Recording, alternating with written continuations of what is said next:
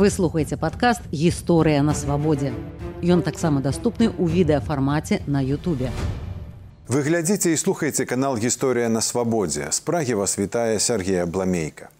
Які напой нашы продкі лічылі самым дарагім і самым паважаным. Ці можна разглядаць спосаб вытворчасці і спажывання алкаголю важнай часткай беларускай культуры. І хто каго спаіў, расейцы беларусаў ці беларусы расейцаў. Пра гэта і пра іншае мы пагаворым з беларускім гісторыкам, членам польскага этналагічнага таварыства Ягорам Сурскім. Добры дзень ягор. Вітаю вітаю. З якога часу нашы продкі ўжываюць алкаголь? Увогуле алкаголь ён спадарожнічае гісторыі чалавецтва спачатку цывілізацыі адзінае што калі вось мы кажам пра самыя даўнія алкагольныя напоі піва і мёд тут розныя ёсць падыходы што было раней алкагольны напой на аснове мёду ці піва піва яно звязана ўсё ж таки са з'яўленнем сельскай гаспадаркі земляробства што давала вось гэтую неабходную сыравіну для яго вытворчасці а дзікі мёд умоўна кажучы ён быў існаваў раней і людзі яшчэ вось на этапе збіральніцтва такога ладу жыцця маглі спазнаць так мёд. Іншае пытанне што алкаголь ён з серыі вось таких вынаходніцтваў чалавецтва звязаных з, з момантам выпадковасці гэта значыць что адной сыравіны яшчэ не было дастаткова каб гэта ператварылася у алкагольны напой і менавіта выпадковае такое спалучэнне воды з мёдам ці з зернем давала такі эфект ну і таким чынам людзі вось прызвычаіліся і яны вынайшлі метод ферментацыі. Іншая справа, калі мы разважаем пра моцныя алкагольныя напоі, гэтаму папярэднічала ўжо такое высокатэхналагічнае вынаходніцтва як дыстыляцыя. Дыстыляцыя таксама э, адносіцца да такіх выпадковых вынаходніцтваў. Паколькі аналагі ці прататыпы таких дыстылятарных апаратаў яны яшчэ э, знаходзяцца у таких даўніх археалагічных культурах. Але вось гэтае абсталяванне яно служыла зусім для іншых мэтаў. Яно служыла дзеля таго каб атрымаць вось гэтую выцяжку альбо эсэнцыю расліннага паходжання для неабходнага водару смаку. І калі вось у гэтае абсталяванне, якое нагадвала дыстылятарнае абсталяванне, трапіла брага, так, яна давала ўжо іншы эфект. І такім чынам тут вельмі цяжка і складана вызначыць так вось адназначна і дакладна, калі гэта з'явілася. Бясспрэчным з'яўляецца толькі тое, што гэта, спадарожнічала гісторыі чалавецтва гісторыі цывілізацыі з моманту уласна яе з'яўлення Ягор давайте паговорым тады пра тое што сабой уяўлялі піва і пітныці сыцоны мёд скажем у 16-17 стагоддзях у беларусі у вялікім княстве літоўскім. У 16-17 стагоддзе ўжо былі і моцныя алкагольныя напоі так? Але агульная тэндэнцыя адносна э, алкагольных напояў тое што яны такімі моцнымі не былі як зараз.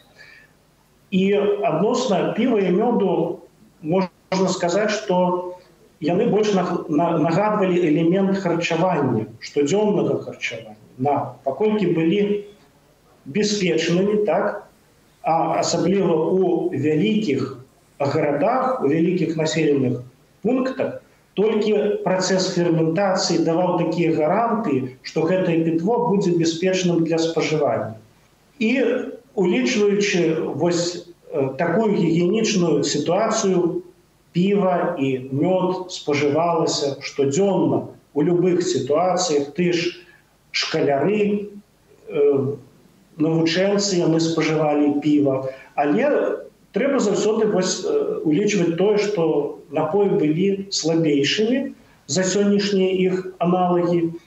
І была вялікая розніца паміж тымі вось алкагольнымі напоямі штодзённага спажывання так і тымі алкагольнымі напоямі якія ўжо траплялі ну, умоўна кажучы на стол магнатаў заможных людзей паколькі там гэтыя тэхналогіі вытворчасці яны маглі удасканальвацца і тады яны ўжо прыводзілі да лепшага выніку так? А вось такое піва як яго называлі і ардынарыйнае і расходнае яно было фактычна прадуктам штодзённага спажывання. Зараз вось такая праблема умоўна кажучы у рэстаратараў так?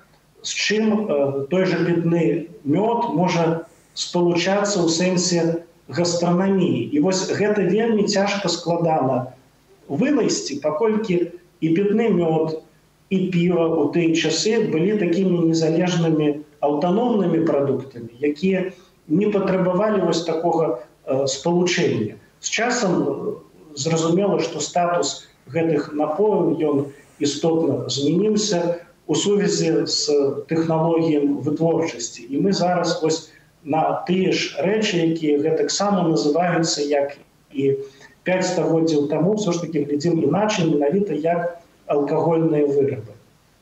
Ну дык трэба патлумачыць відаць для нашых слухачоў што тагачасныя піва і мёд не так выглядалі як мы сабе сёння уяўляем піва было больш густое і магло разглядацца як дэсерт а, і тым больш пітны мёд.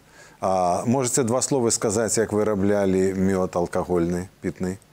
Пітны мёд алкагольны таксама улічваць трэба вось гэтыя абставіны, што любую такую сыравіну, так, каб атрымаць алкаголь, можна падвергаць хуткай ферментацыі так? і тады мёд будзе больш вось і бліжэй у статусе да таго ж піва, а можна паддаваць і такой э, працэдуры э, доўгатэрміновай калі ўжо той же пітны мёд ён будзе у статусе такога элітарнага дэсертнага дарагога віна. І гэта пацвярджаецца толькі тым што пітны мёд ён у 5 разоў быў даражэй у 17 стагоддзе напрыклад чым піва у вялікім княстве літоўскім. І пятны мёд ён у тыя ж самыя часы каштаваў аднолькава як вось такая простая ардынарыйная як яе называлі яшчэ гарэлка. Што гэта ўсё ж таки пацвярджае вось такі высокі статус менавіта пятнога мёду. І ён тут канкураваў безумоўна з віном так з прадуктамі вінаробства якія завозіліся так.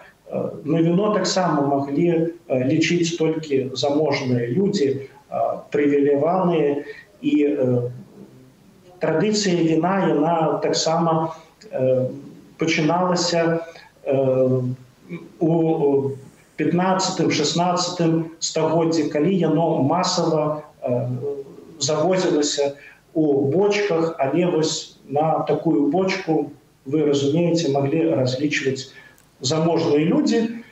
Той ж самы і мёд. Гэта трэба было быць заможным чалавекам трэба было бы мець неабходнае абсталяванне тыя ж бочки так для яго вытворчасці Ягора, што такое піўныя і мядовыя каноны, якія праводзіліся ў беларускіх гарадах у 17 стагоддзі? Ну вось піўныя і мядовыя каноны гэта тая сітуацыя такога культурніцкага разлому так паміж умоўна кажучы захадам і паміж праваслаўным усходам. Піўныя каноны яны таксама мелі месца але яны больш уласцівыя для заходніх тэрыторый вялікага княства літоўскага. Калі у сваю чаргу піўны мядовы канон альбо мядовы склад гэта з'ява на унікальнай менавіта усходняй праваслаўнай культуры калі грамадзе царкоўнай так у першую чаргу дазвалялі рассыціць так пэўную колькасць пятнога мёду у межах так, такой імпрэзы якая ну фактычна ладзілася у маштабах усяго населенага пункту працягвалася некалькі дзён і гэтым правам валодалі праваслаўныя абшчыны братствы якія нават і называліся медовымі.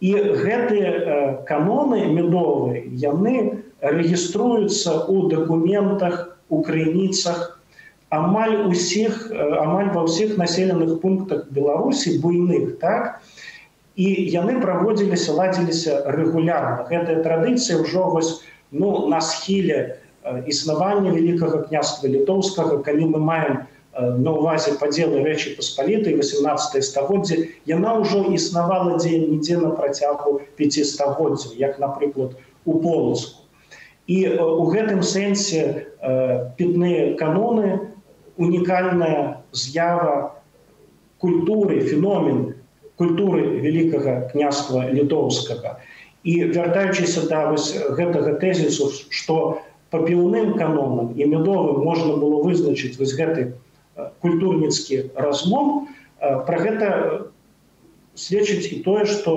на тэрыторыі сучаснай літвы медовыя каноны праводзіліся выключна у вільні і яны былі звязаныя з праваслаўнымі медовымі братствамі і іх дзейнасцю Такім чынам мы можам назваць гэта фэстамі прымеркаванымі да пэўных рэлігійных святаў календарных. Так? Так але гэтая традыцыя цікава што яна э, праходзіла праз такую эвалюцыю калі сапраўды спачатку рэлігійная абшчына валодала гэтым правам а гэта было важнае права і нават і палітычнае паколькі заўсёды такі медовы канон ён э, быў звязаны з рэпрэзентацыяй гарадской рэпрэзентацыі і гэта было такім сімвалам элементам улады праваслаўнай царквы перадусім. Але што цікава вось гэтыя традыцыі рэлігійныя яны э, прайшлі такую эвалюцыю трансфармацыю. Яны станавіліся светецкімі правам правядзення канонаў валодалі э, цехавыя арганізацыі. і А пазней вось гэтую традыцыю перанялі менавіта уніяты. І нават адбывалася такая сінергія культур, калі і касцёл як такая структура яна далучалася таксама да медовых канонаў, што фактычна падказвае такую архаічную форму фарміравання альбо пачатку фарміравання грамадзянскай супольнасці калі вось гэты агульны інтарэс ён адпавядаў вось гэтай магчымасці сыціць мёд. І тыя э, сродкі якія атрымлівала грамада яны прызначаліся ў тым ліку і на адукацыю і на э, шпіталі такія розныя формы узаемадапамогі з іншага боку гэта вельмі істотна што вось мадэль э, мядовых канонаў яна вось вельмі добра ілюструе тую спецыфіку великкага княства літоўскага як талерантнай дзяржавы. Калі вось да гэтай традыцыі праваслаўнай маглі далучацца і каталікі вось і светецкія структуры у сваю чаргу. І па сутнасці гэта вось таксама добры прыклад ідэі Еўропы які ну у тыя часы існаваў на тэрыторыі великкага княства літоўска Ягор а я чытаў ваши артыкулы натуральна перад тым як мы сёння з вами гутарым і вы доўгую традыцыю вытворчасці сыцонага мёду называеце асноўнай асаблівасцю пітной культуры беларусі але разам з тым былі ж і піўныя каноны расскажыце некалькі словаў пра іх і дзе ж яны тады адбываліся у якіх частках вялікае княства літоўска я по-моему слуцк бачыў у вас Безумоўна, піўныя каноны адбываліся, але медовыя каноны яны былі больш маштабнымі і медовыя каноны уласцівасць вытворчасці мёду яна ўсё ж таки была даўняй традыцыі. у вялікім княстве літоўскім і э, тут была большая разнастайнасць і гэты напой вось ён і быў такім выключным гэта пацвярджаецца э, такім чынам калі напрыклад вось мы знаходзім прапорцыю корчмаў альбо шынкоў мядовых піўных і па вытворчасці гарэлкі оказывается что колькасць медовых шынкоў яна ну складала 10соткаў ад агульнай колькасці. Але вось шанкаванне мёдам і яго прод продаж так гэта несумненна было ну такой прыналежнасцю да эліты важно яшчэ сказаць чаму вось менавіта я раблю ну як бы акцент на медовых канонаў мёд усё ж таки гэта вельмі важны элемент гаспадаркі великкага княства літоўскага паколькі такія даўнія формы павіннасці як медовая дань яны існавалі ў 17 стагоддзе яшчэ даволі шырока былі зноў-такі воск быў вельмі важным прадуктам які спадарожнічаў вось гэтаму працэсу сыцэнем мёду воск ішоў на імпорт у Еўропу. І гэта вельмі важны элемент гаспадаркі.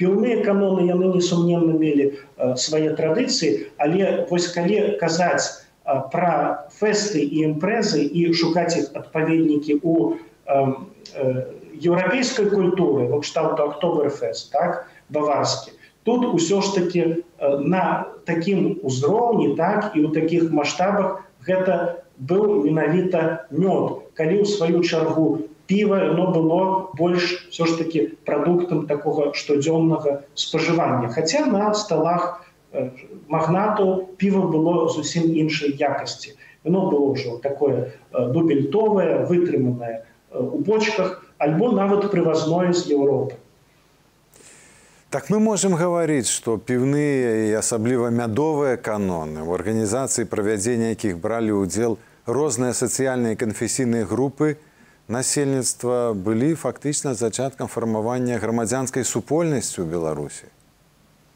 Я як даследчык схіляюся несумненна да гэтага і мяне цікавіць вось менавіта наколькі такая форма фарміравання грамадзянскай супольнасці была эфектыўнай і была празрыстай людзі у складчыну уносілі немалую суму грошай напрыклад кожны удзельнік павінен быў вось у такі устаўны устаноўчы фундуш братства мядовага унесці капу грошаў літоўскіх гэта былі вялікія грошы на тыя часы. І гэтай сумы яе ўжо размяркоўвалі каб набыць мёд набыць неабходнае сталя усталяванне чопы бочки таксама лавы абрусы ручнікі ўжо з мэтай правядзення канону. І калі гэтыя каноны праводзіліся рэгулярна але раз на год альбо некалькі разоў вось гэтай абшчынай так все залежала ад таго наколькі э, тыя людзі якія адказвалі за арганізацыю гэты канон правялі і яны такім чынам працягвалі сваю працу у сваю дзейнасць у межах грамады і такая э, такі спосаб ацэнкі іх дзейнасці быў ну, неверагодна празрыстым э, і э, зразумелым. Таму я э, схіляюся сапраўды, што ў гэтай форме самаарганізацыі архаічнай ёсць шмат чаму павучыцца сучасным беларусам. Ведаеце ягор, калі я думаю пра мядовыя і піўныя каноны ў Беларусі 17 стагоддзя, то адразу прыходзіць у галаву Чехія ці нямметчына. Неяк сваім парадкам, рэгламентацыі і арганізаванасцю, калі ўсё планавалася, улічвалася і за ўсё справаздавалася, гэтыя каноны сталі праявамі своеасаблівай еўрапейскай культуры і менталітэту нашых продкаў. І вельмі шкада, што цяпер усё гэта страчанае. Як вы лічыце, ці можна і ці не позна і тут заняцца рэстаўрацыяй і рэгенерацыяй традыцый? Гэта такая адвечная спецыфіка і праблема можа навуковай дзейнасці, што часам прафесійным даследчыкам не хапае папулярызацыі так у сваю чаргу папулярызацыі гісторыі ці гісторыка-культурнай спадчыны вельмі часта таксама не стае такога правільнага і аб'ектыўнага даследніцкага кантролю ці можа дапамогі і але такія прыклады ёсць калі недаўняя такая ініцыятыва бортнікаў беларускіх і польскіх яны дамагліся што традыцыі бортніцтва яны былі унесены ў спісы матэрыяльнай культуры ЮНЕСКО. Тое ж самае можна казаць і пра медовыя камуны, калі вядома будзе існаваць вось такі прэтэндэнт адраджэння іх прынамсі, паколькі мёд і лесная гаспадарка гэтыя магчымасці атрымання мёду яны існуюць у Беларусі, а традыцыі яны сапраўды вось былі так на жаль забытыя. І пара пытанняў пра моцныя напоі. Калі на нашых землях з'явіліся дыстыляты, спиртовыя напоі. Першыя згадкі па крыніцах гэта канец 15 стагоддзя. Э, калі вось ёсць такая згадка пра э, віно гарэлае, як яно называлася. Ну, што ў прынцыпе адпавядае вось гэтаму э, спосабу атрымання пад уздзеяннем высокіх тэмпературу. Іншая справа, калі вось мы кажам пра спиртныя напоі ў сучасным разуменні моцныя алкаголь, гэтаму папярэднічала ўсё ж такі працэдура падвойнай дыстыляцыі, да якой не адразу прыйшлі нават калі э, абсталяванне дыстылятарнае яно існавала і прымянялася. У нас гэтая тэхналогія прыходзіла праз Еўропу. І э, тут спатрэбіўся канешне час пакуль тэхналагічна гэта ўсё э, ну прывялі да э, адпаведнасці на тэрыторыі вялікага княства літоўскага але тое што гэтая тэхналогія хутчэй прыйшла у вКл чым у тую ж э, Росію гэта э, можна бачыць на падставе такіх дакументаў што э, буйныя магнаты як радзівілы напрыклад яны заўсёды лічылі за мэтазгоднае. Вось набыць гэты сапраўдны такі і тэхналагічна больш перадавы дыстылятарны апарат у Еўропе яны называліся аламбіковымі апаратамі. І матэрыял з якога адбывалася вытворчасць гэта медзь таму яны былі вельмі дарагімі самі по сабе. Кошт такого апарату адпавядаў коштам аренды карчмы гадавой напрыклад у 17 стагоддзе і нарэшце ягор ці не пора нам развеяць адзін міт некаторыя аўтары пішуць што менавіта расейцы Росія гістарычна спойвалі беларусаў маючы на ўвазе ўжо 19 стагоддзя але здаецца сувязі тут больш складаныя і нават с адваротным вектарам Можете коротко рассказать про ўплыў Беларусі на культуру спажывання алкаголю ў рассіі моцнага алкаголю? Любы міт сам по сабе ён з'яўляецца зноў-такі калі мы яго спрабуем акрэсліць як міт і у найноўшай гісторыі гэта больш звязана з тым што вось якія краіны прэтэндавалі на асноўных вытворцаў гарэлкі ў двадцатым стагоддзі. І гэта вось дагэтуль такое можна сказаць канкурэнцыя альбо спаборніцтва паміж Польшчай і Росіі, дзе умоўна кажучы, гарэлка з'яўляецца асноўным такім алкаголем масавай вытворчасці. І гэтая спрэчка славяна яна была вырашана, падаецца паколькі нават была створана такая адмысловая камісія польская савецкая якая вось ставіла на мэце высветліць гэтае пытанне і тут вельмі важны такі нават аргумент што слова водка яно у расійскай мове польскага паходжання. Няма вось такога уласна слова гарэлкі якое адлюстроўвае гэтую тэхналогію. І нават гэта сведчыць і з'яўляецца такім доказам таго што тэхналогія яна все-таки прыйшла ў Росію з Еўропы так? І тут вельмі важны такі этап калі Россия атрымала выход до балтыйскага мора так? і э, яна тады стварыла такую велізарную канкурэнцыю для рэчы паспалітай по вывозу збожжа паколькі расійскае збожжа было нашмат танней.